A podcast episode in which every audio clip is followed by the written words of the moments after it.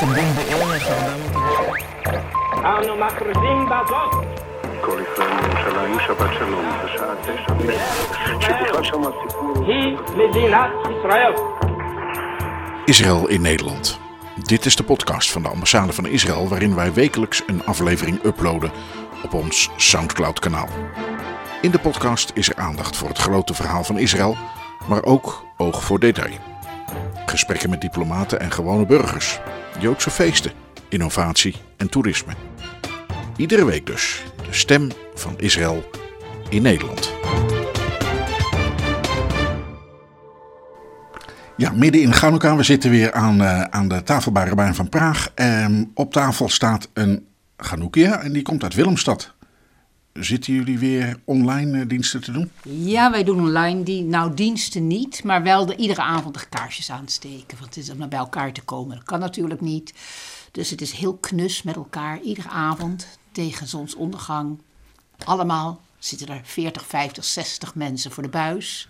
En steken met elkaar de kaarsjes aan. Ehm Chanukka, ik ben eigenlijk benieuwd, wat, wat, he- wat heeft u ermee? Is het een, iedereen heeft eh, een favoriet feest. Dat hebben u vast ook wel. Eh, eigenlijk maandag is voor mij een favoriet feest. Het enige dat het er niks moet. nee, het is, alle feesten hebben hun, hun, hun eigen charme.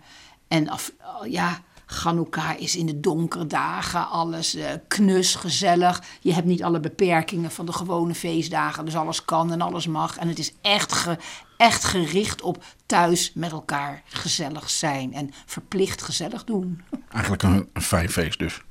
Ja, ongecompliceerd, lekker. Het is wel een beetje een mannenfeest natuurlijk, want het gaat over een opstand tegen een Grieks leger. En het wordt ook gedaan door een priesterfamilie en eh, nou ja, die, eh, die slaan erop los. Er is niks mis met mannen hoor. Die mogen er best zijn en ze hebben hun functie in dit leven. Fijn. Dus wat dat betreft is dat helemaal niet erg. En dus in de geschiedenis lopen die dingen nou eenmaal zo, dus daar kan ik me niet zo over opwinden. We hoeven ook niet van die typische mannenhaters te worden. Kijk, de mens is geschapen, mannelijk en vrouwelijk. Het is er alle twee en ieder heeft zijn eigen rol. Dus daar is niks mis mee. Gaan we ook niet ingewikkeld over doen, maar we gaan het toch verrassend genoeg over een vrouw hebben. Judith. Nou, is niet zo verrassend, want daarvoor zit u hier. Dus wat dat betreft mag het. Ja, in de Joodse traditie speelt Judith eigenlijk geen rol. Het is een van die, een van die verhalen, van die volksverhalen, die waarschijnlijk een beetje aan de zijlijn is eh, afgevloeid. Want ja, het had niet zo heel veel toe te voegen. Maar in sommige tradities wordt het nog wel heel erg gebruikt. En Judith is een beetje een, een, een, een heldenverhaal, toch? Van we moeten een tegenhanger hebben, dus dan gaan we op zoek naar. En dan vinden we altijd, dat is zo leuk. En het verhaal van Judith is dat Judith was een weduwe in, in belegerd, in belegerd eh, Israël, in Jehuda. En er was een, een, een, een, een, een Babylonische generaal, die was daar naartoe gestuurd om eens eventjes de boel goed onder de duim te krijgen. En die was een beetje vreed, want die, die, die, die, die sneed alle toevoer van, van, van, van voedsel en, en, en waren af naar de stad. Dus men had het vreselijk zwaar. En het waren duizenden soldaten die hij mee had genomen tegenover een kleine bevolking.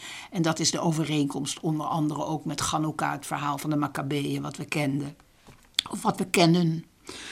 Eh, maar er moest een oplossing komen. En toen was er die mooie weduwe. En ze was zo mooi, want het moet natuurlijk een mooie vrouw zijn. Daar gaat het om. En ze was volgens mij maat 36. Hoort er ook bij allemaal. Dat is echt door mannen opgeschreven. Het was een schoonheid van een vrouw, dus dat moest zo zijn. En zij ging met haar, ja, eh, haar, haar slavin, zal ik maar zeggen, ging ze naar het kamp toe alsof ze zich over ging geven aan Holofernes, aan de generaal die daar de scepter zwaaide.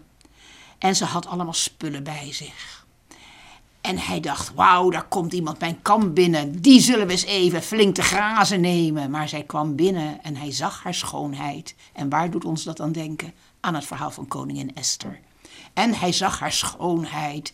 En hij werd tot over zijn oren verliefd op haar. Ja, love at first sight. Het schijnt te bestaan. En dus nodigde hij haar uit en zij zei: Ik wil u wat geven. En zij gaf hem heerlijke zoute kaas te eten. En dat vond hij heerlijk. En ze had wijn bij zich. En door die zoute kaas kreeg hij nog meer dorst en nog meer dorst. Dus zij bleef maar wijn optoppen, zoals dat heet. Tot hij zo dronken was dat hij in slaap viel. Waarop zij zijn zwaard pakte en heel vriendelijk zijn hoofd afsneed. Nou was haar tas toch leeg van alle kaas en wijn die hij genuttigd had. Dus zijn hoofd ging in haar tas en zij wandelde rustig terug via alle, alle hoe heette die mensen, schildwachten en alles terug naar de stad. En in de stad liet ze het hoofd zien van Holofernes. En iedereen was hevig onder de indruk van haar heldenmoed, hoe ze dat dan toch maar gedaan heeft. En de soldaten, die op een gegeven moment niet begrepen waarom ze niets van Holofernes hoorden, gingen zijn tent binnen, zagen zijn onthoofde lichaam daar liggen, raakten in paniek en maakten dat ze wegkwamen. Nu is dat verhaal dus niet echt meer in de Joodse traditie opgenomen. In, het, in de islam en in het christendom komt het verhaal nog wel meer voor. Maar er zijn ook nog hele gebieden waar dit verhaal wel verteld wordt. En het leuke is dat bijvoorbeeld Ashkenazische Joden, die eten graag. Ja, we weten dat we op Chanukka eten we alles wat in de olie gebakken is. Eten een soort oliebollen. We eten latkes, de aardappelkoekjes, gebakken in de olie. Maar bijvoorbeeld Ashkenazische Joden, die eten ook blintjes. En wat zijn blintjes? Niet de Russische blinis, dat is wat anders, maar flensjes gevuld met zure room en melkproducten. Dus vanwege de zoute kaas die Judith Holofernes te eten gaf, worden er ook, zijn er ook gebruiken dat er melkproducten gegeten worden op Chanukka. Maar daaraan kunnen we wel zien dat het een, een, verhaal is wat wel leefde in het verleden, maar tegenwoordig kom je het eigenlijk bijna nergens meer tegen. Daarentegen, of niet daarentegen, daarnaast wil ik ook nog iets, een andere Judith even naar voren halen. Ook een Judith waar niet veel over bekend is, maar ook eigenlijk wel een beetje een heldin is. Dat is een Judith uit de Talmud. Staat niet heel veel over haar geschreven. Zij was getrouwd met Gia, Rabbi Gia. En dat was in Babylonië. En ze waren getrouwd en dat was goed en ze had twee tweelingen gekregen. Eén tweeling is bijzonder, twee tweelingen is nog bijzonderder. Maar het waren hele zware zwangerschappen geweest. En nog sterker, de eerste zwangerschap, waar ze twee dochters kreeg, waren de twee dochters met twee maanden verschil geboren. Dat geeft dus aan dat ze een tijd had dat ze heel erg geleden. Het hele zware eh, bevallingen met heel, en zwangerschappen. Met veel pijn en alles. En dat ze niet zo happig was om nog een keer zwanger te worden. Rabbi Gia daarentegen, die begreep dat allemaal niet zo goed. En uh, die vond eigenlijk dat hij recht had op nog meer kinderen. En zij praten en praten. En wij kunnen zien aan de teksten in de Talmud dat Judith waarschijnlijk een geleerde vrouw was, want ze wist met welke argumenten ze aan moest komen. Het huwelijk dat was dus inderdaad niet altijd even gezellig. En zij kwam op een gegeven moment aan dat zij op een jonge leeftijd, had haar moeder haar verteld, uitgehuwelijkt was aan een andere man eigenlijk. En dat zou er dus voor zorgen, volgens de Talmud, dat dit huwelijk ongeldig was. Maar Rabbi Gia, natuurlijk een Talmudgeleerde, anders stond, werd hij niet genoemd in de Talmud, die kon daar een tegenargument in werpen, een typisch mannenargument van alleen de verklaring van jouw moeder is niet voldoende. Nou, dat werd dus geaccepteerd. En hij bleef er eigenlijk maar op ingaan dat hij toch, ondanks die zware zwangerschappen, nog wel kinderen wilde hebben. En het werd frustrerender en frustrerender voor Judith. En hoe kon ze een oplossing bedenken? Ze ging op een dag, ging ze verkleed naar haar man toe als grootgeleerde. En zij zei, Rabbi mag ik u een vraag stellen? En wij vermoeden dat zij als man verkleed ging.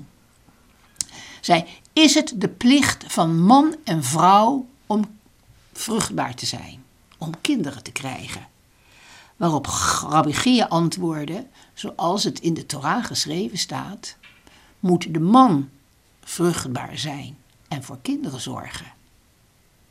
Toen zij dat hoorde, heeft ze hem vriendelijk bedankt voor zijn advies en is weggegaan.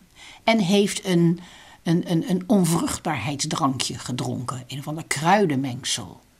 Want het was de man zijn plicht om voor kinderen te zorgen, niet de vrouw haar plicht. Dus zij, daaraan kun je ook zien dat ze geleerd was, dat ze kon redeneren, dat ze kon nadenken en argumenten kon gebruiken. Uiteraard is Rabbi Gia daar op enig moment achter gekomen, wilde scheiden, was heel erg boos. Want we lezen uit de verschillende traktaten in de Talmud dat hij gefrustreerd was over zijn vrouw, dat het moeilijk was en dat hij slechts. Ze hadden dus vier kinderen, twee, twee, twee meisjes en twee jongens.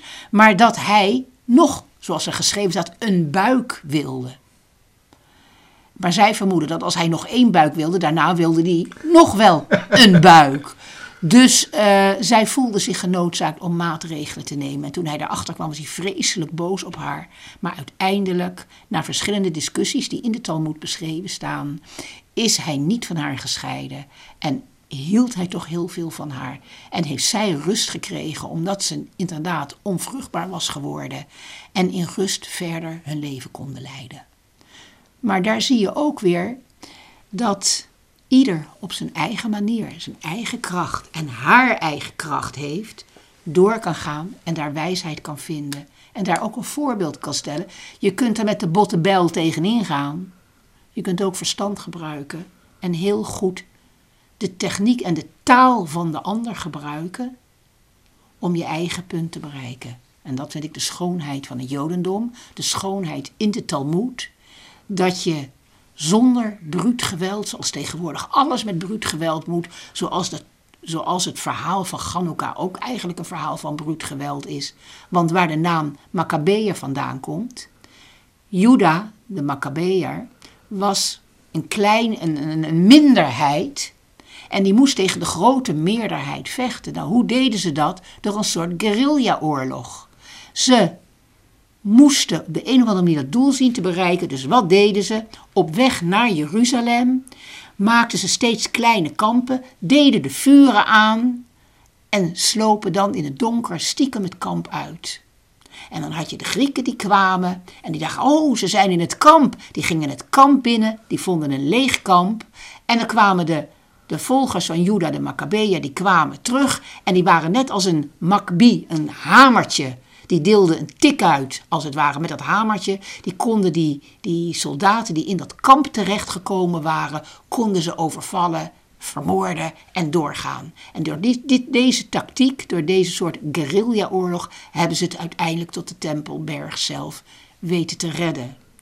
Dus wie niet sterk is, moet slim zijn.